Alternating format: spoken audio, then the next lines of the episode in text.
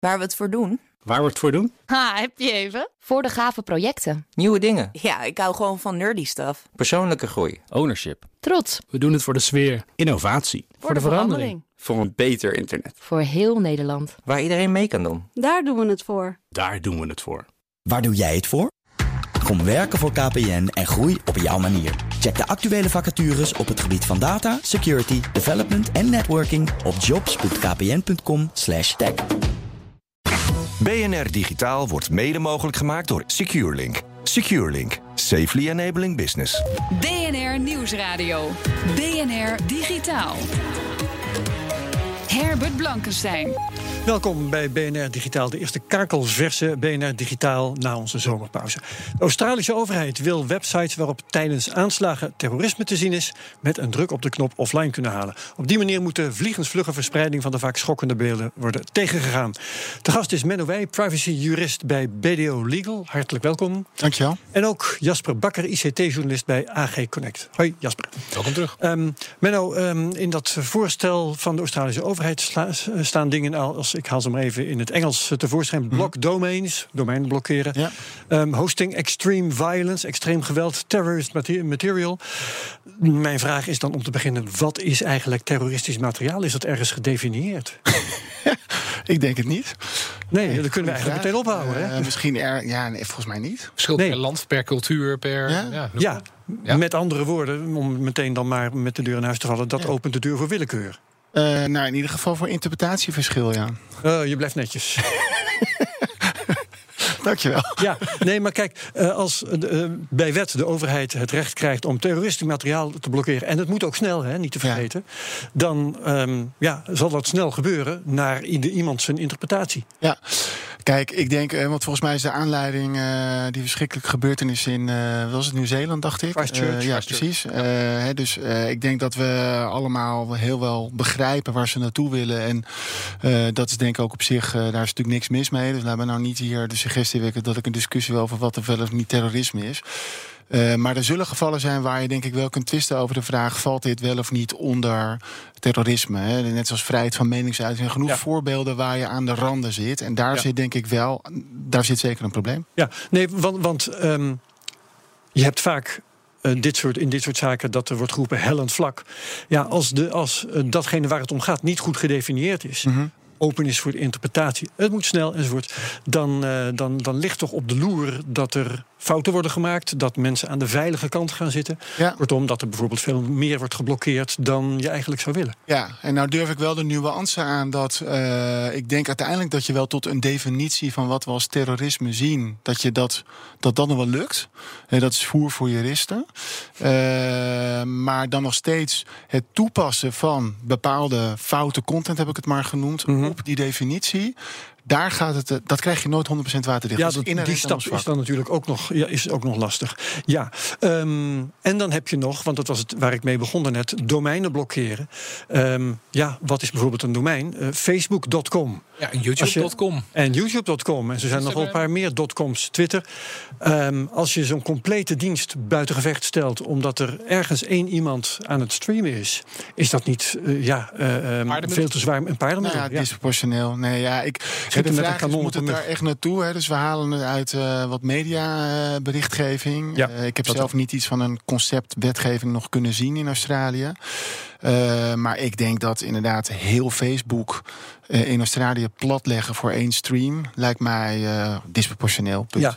ja, even Jasper voor de techniek. Zou dat anders kunnen? Kan dat technisch fijnmaziger dat je één stream eruit pikt bijvoorbeeld? Het kan vast fijnmaziger, maar hoeveel moeite, uh, tijd en geld gaat het kosten en wie?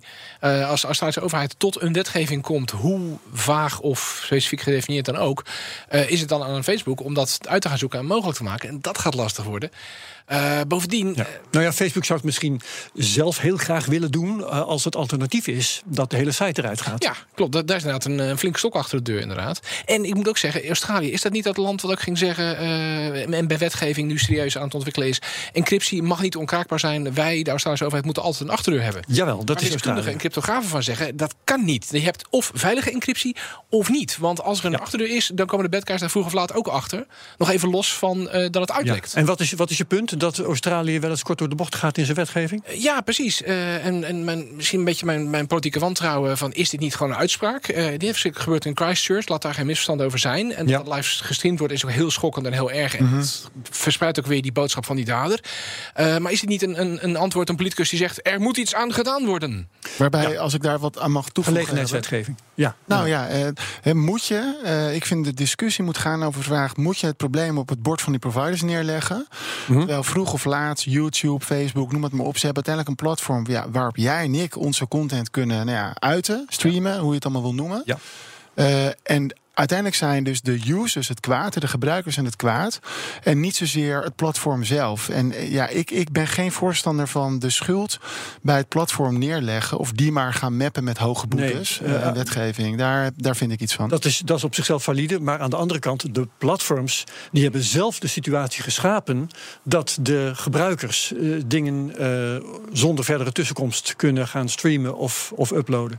He, dus de platforms kunnen niet hun handen ten hemel heffen. Ja, hier kunnen wij niks aan doen, want dat kunnen ze natuurlijk wel. Nee, klopt. Uh, de, helemaal eens. Hè. Dus de, uh, het spectrum van, nou ja, weet je, wij zijn maar een doorgeefluik, dus zoek het maar uit. Dat kan ook niet. Bovendien, ze stellen zelf ook speelregels hè, in hun eigen algemene voorwaarden, de gebruiksvoorwaarden, bepalen ze de regels van het huis. Precies. Uh, dus, maar ik vind een wet die zegt: u moet dit doen als wij het zeggen. Zo interpreteer ik even het Australische voorstel. Wie is de overheid om dat te beslissen? Is het inderdaad terrorisme?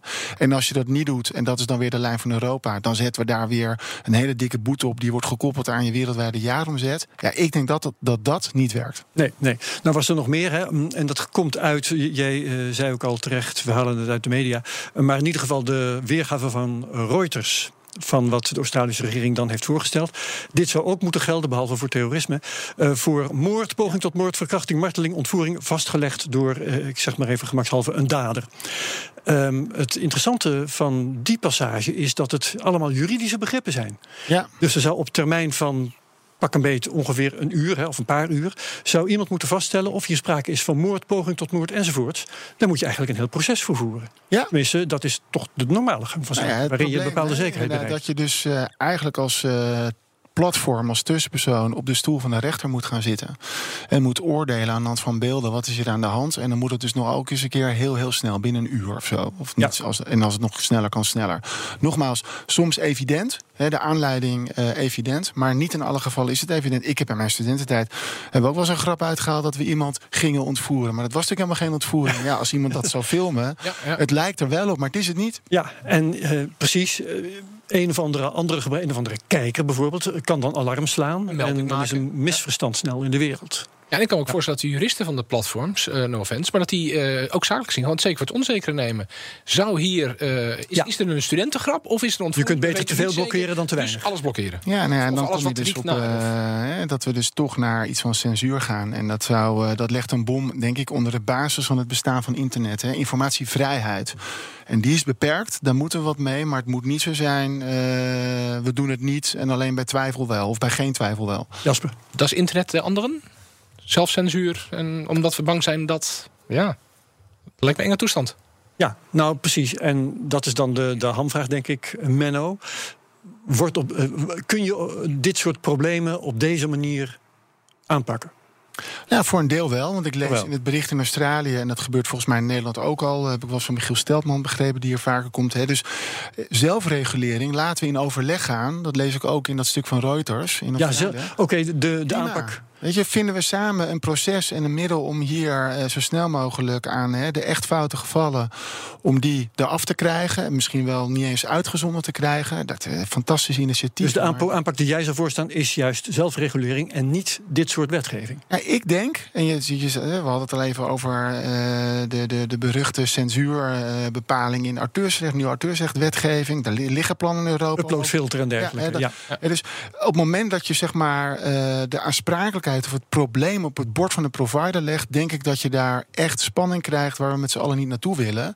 Terwijl ik niet denk dat ze niet willen meewerken. Maar moet je het afdingen okay. met boetes of gaan we het gewoon samen oplossen? Ja, dan het liefst het laatst. Ja, en wie doet er dan aan zelfregulering? Ik dacht heel even dat je bedoelde de gebruikers, maar je bedoelt de providers. Ja, sorry, de providers. Ja. Dus uh, je kunt, uh, en dat, dat begrijp ik nogmaals uit het nieuwsbericht, dat er een soort van ja, praatorgaan is waar de grote jongens vertegenwoordigd zijn met overheid en nog wat andere smaken in Australië. En dat die eh, in een goed gesprek kijken met hoe kunnen we nou zorgen dat dit niet meer gebeurt. Prima, Ja. doorgaan. En dan nog even, ehm, want eh, je kunt je ook nog afvragen hoe groot is het probleem eigenlijk.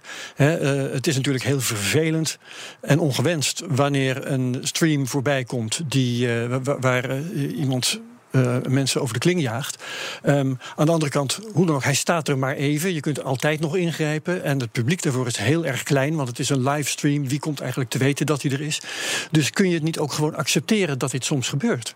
Ik weet niet of ik dat aan een jurist moet vragen, maar je bent hier nou Ja, toch. nou, eh, en ik vind meestal wel iets van iets. Eh, nou, ik denk dat je het moet. Ik, volgens mij, feilloos, foutloos kan niet. Hè? Dus voorkomen is beter dan genezen.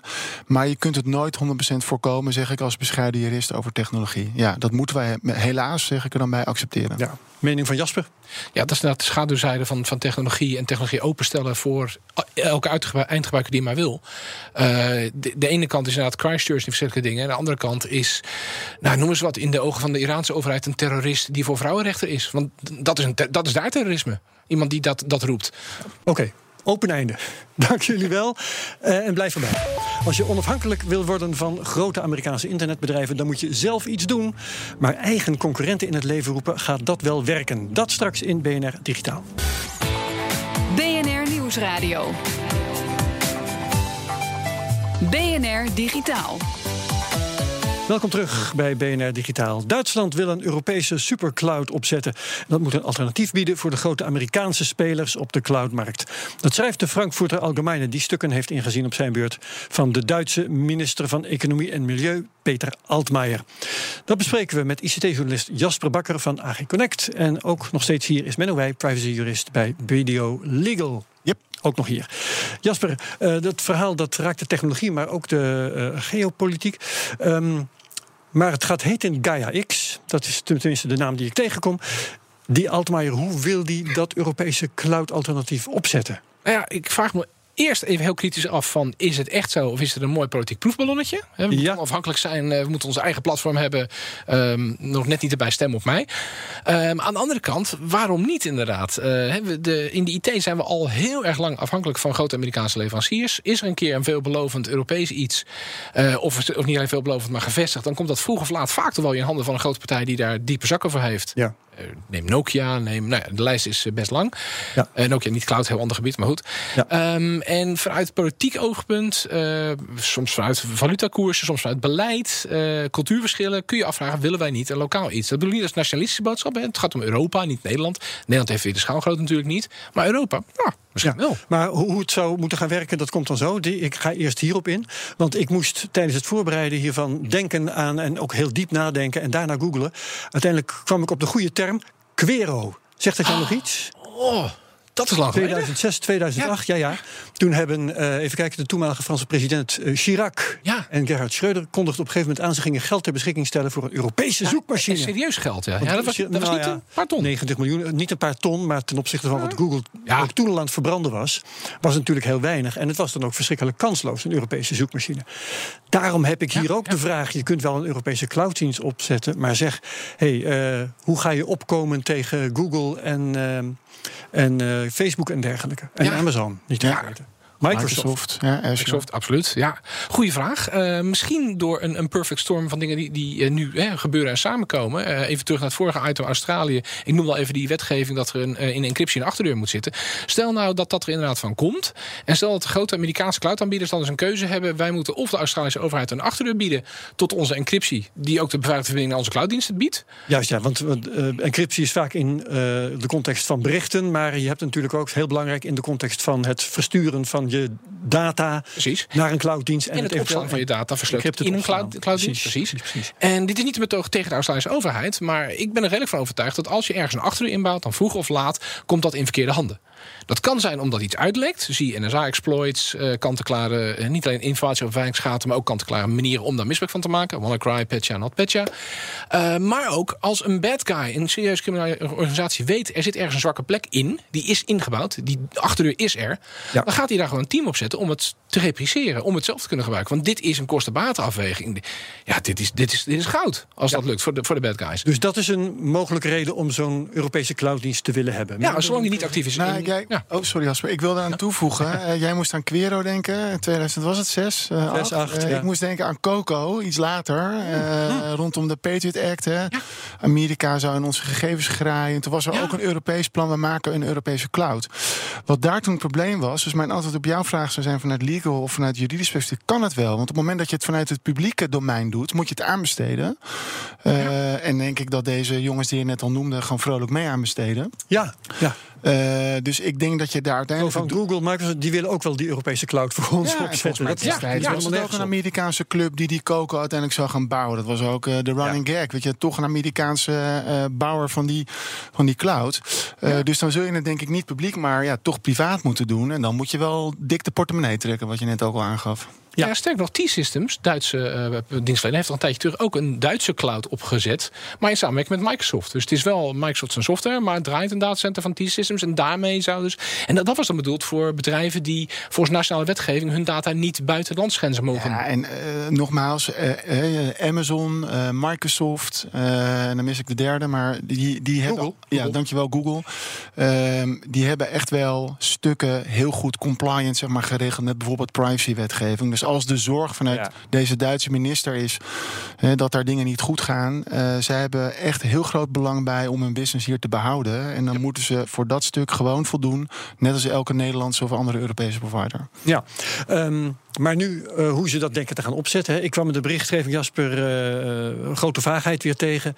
Ja. Um, waardoor je ook gaat denken dat misschien een proefballonnetje is. Zou, een onafhankelijke stichting kwam ik ergens tegen. Ja. Een state-controlled entity, wat dan meer een overheidsbedrijf zou zijn. Of zelfs een conglomeraat van huidige cloudbedrijven. Ja, die, die, er echt ook al wel zijn. Ze kunnen alleen geen vuist maken. Ja, of ze zijn vaak nog te veel landelijk gericht. Ja. En wat is volgens jou de beste oplossing? Als je dit zou willen, een Europese cloud. Als ik het wist, zou ik het niet vertellen. oh, dat is heel fijn. Goed, dus je weet het niet, maar vertel toch maar wat. Ik weet het niet. um, ja, ik, ik, begreep dat Michiel Steltman eerder uh, bij BNR ook al verteld had... van ja, die verre kleintjes is enerzijds wel handig... maar anderzijds die missen de slagkracht, de innovatiekracht... de snelheid van die grote jongens. Ja, en de investerings... Uh, en de ja, slagkracht noem jij dat. Uh, en ik denk dat er inderdaad een heel goed punt is. Want ja, als een van die kleintjes een veelbelovende nieuwe technologie ziet... moet hij al die anderen mee zien te krijgen. En dan misschien nog via die state-controlled entity. Dus daar gaan we volgend jaar over vergaderen. En ja, nou, dat wordt niks. Ja. Um, aan de andere kant, zo'n kleintje kan wel zelf wat gaan pionieren. En uh, als een Google of een Amazon of een Microsoft besluit... wij zien dit als niet zakelijk zinnig of niet interessant... qua technologie of qua opzet of qua wat... dan is het take it or leave it. Ja. En als Microsoft op een gegeven moment besluit... Uh, dit soort data uh, gaat je meer kosten... dan gaat je meer kosten, punt. Um, of, of Amerikaanse bedrijven... ja, dan kom je een beetje in cultuur en normen en zo natuurlijk... maar dat gewoon bepaalde diensten gaan we niet meer aanbieden. Nou, bekijk het maar. En een voorbeeld, een voordeel, en dan ben ik misschien een beetje naïef hoopvol, maar een voordeel van verre kleintjes kan ook zijn: uh, jij, kunt daar, jij bent daar een klant. Bij Google ben je een nummer. Dat bedoel ik niet lullig ja. Google toe, maar gewoon te maken met schaalgrootte. Dus als jij een probleem hebt, of als jouw stukje cloud een probleem heeft, je kunt terecht ja. op het forum. Je kunt een ja, formulier invullen en hopen dat iemand reageert. Ja. En ik trek een beetje de vergelijking met lang geleden de PC-industrie. Toen kwam er een nieuw bedrijfje, Dell. Die ging pas een PC bouwen als jij hem besteld had. En ze leveren hem direct aan jou. Dus niet ze maakte een PC, die ging naar een importeur, die ging naar een distributeur, die ging naar een reseller. En ver verminderde al die tijd in waarde. Interessant model. Ja. En iedereen dacht toen, ja, dit gaat de toekomst worden. HP en Compaq en ze zijn allemaal dood, die kunnen het wel vergeten. Jaren later is Dell ook aan het resellen, aan het kanaal begonnen. Niet helemaal, het is, het is een hybride vorm geworden.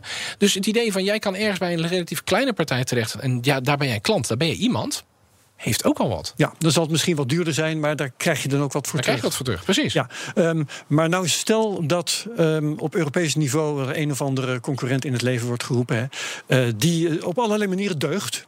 Kunnen we het straks misschien nog over hebben. Um, dan moet je wel klanten zo gek krijgen om zich daar. Ja. He, dat, en dat vereist dan een bepaald soort bewustzijn. Ja. Dat je uh, de voordelen die het biedt ook belangrijk vindt. En op dit moment is dat blijkbaar niet het geval. Nee, nee. Toch? Tenminste, tenzij zie, ziet iemand hier aanwijzingen dat dat bewustzijn nou, er wel is? Ik, ik zag wel net iets voorbij komen in mijn Twitterfeed. Uh, dat de Franse overheid, Duitse overheid nu een beetje aan het proberen zijn met Nextcloud. Dat is wat software om zelf een clouddienst op te zetten. Clouddienst, nou ja, filesharing. Dus het is, het is maar een deel van functionaliteit van wat wij cloud noemen in de breedte. Ja. Uh, maar daar zijn inderdaad proefjes gedaan met wat honderden en duizenden overheidsmedewerkers. Dat wordt nu groter opgeschaald, is de intentie. Is, dat is misschien een, een beginnetje. Ja, en dan is er nog een andere oplossing. Dat is dat je gewoon op je eigen uh, bedrijfsterrein een bos harde schijven neerzet. En dat een beetje goed beheert. Ja. Dan, he, dan kan niemand daarbij. Kun je zelf de encryptie regelen. Ja. Wat is daar eigenlijk tegen? Uh, dat je daar een hoop techneuten voor in dienst moet hebben. En dan wordt het Ja. duurder en, en ook schaalgroter. En je dat ijzer daar moet neerzetten. Het is gewoon een kosten-batenafweging. Ja. Ja. ja, klopt. Dat is kostenbaten. Maar ja, dan is het ook, ook daar het punt. ehm, zie je genoeg heil in de voordelen om dat te doen? Kijk, ik denk dat cloud iets is, eh, een soort van commodity product. Eh, we willen het, we moeten het, eh, iedereen doet het. Eh, maar je wil het gewoon zo goedkoop mogelijk hebben. En het is een eh, hygiënefactor dat het goed is en dat het deugt. Ja. Als die cloud niet werkt, ben je weer weg. Eh, die drie grote spelers die we steeds noemen, hebben dat verdomd goed geregeld volgens mij. Eh, dus ik denk dat je met een Ryanair-achtige mentaliteit eh, erin moet. En dat je het dus gewoon nog goedkoper Ja. en minstens net zo goed Ja. moet aanbieden. Ja, en hoe schatten jullie Anders eigenlijk mensen niet over. de gevaren in die worden toegedicht aan het gebruik maken van die Amerikaanse bedrijven? Spionage, privacy eh, en zo. Geheime diensten. Is dat een serieuze factor? Ja of nee? Nee, ik denk dat het meer gekmakerij is. eh, Want jij zegt ze voldoen aan de Europese wetgeving, hebben ze allemaal dichtgetimmerd. Je, is het 100% de, de discussie? Kan je überhaupt 100% compliant zijn? Misschien iets voor een andere uitzending onder de AVG of GDPR. Oh ja. Maar dat eh, inderdaad Microsoft en eh, de paar grote spelers met een soort van Europese cloud daar dicht op zitten. eh you bet dat ze er dicht op zitten. En dat ze dus in die zin het goed geregeld hebben. Ik vind eh, dat soort bangmakerij, daar moeten we eens gewoon mee ophouden. Eh, zij doen echt enorm hun best. Gaat er eens een keer iets mis? Ja, maar dat geldt bij iedereen. Heb dat zo even naar eh, meneer Altmaier, dan laten we het verder En de schaalgrootte is natuurlijk ook. Hè, de, je harde schijven zelf een bedrijfterrein neerzetten. Dan heb je niet het security expertise die Microsoft, Google en Amazon in te berden kunnen brengen. Dat was Jasper Bakker. Dankjewel voor je bijdrage. Geen Connect. En Menno Wij van Video Legal. Allebei hartelijk bedankt. Graag gedaan. Dat was BNR Digitaal. En terugluisteren kan via bnr.nl, onze app, iTunes, Spotify... of hoe je dan ook maar naar je podcast luistert. En dan vind je ook andere podcasts die ik maak, waaronder de CryptoCast. Wat BNR Digitaal betreft heel graag tot volgende week. Dag. Ook Thomas van Zeil vind je in de BNR-app. Je kunt live naar mij luisteren in Zaken doen. De BNR-app met breaking news. Het laatste zakelijke nieuws. En je vindt er alle BNR-podcasts. Bijvoorbeeld Het Nieuwe Geld. Download nu de gratis BNR-app en blijf scherp.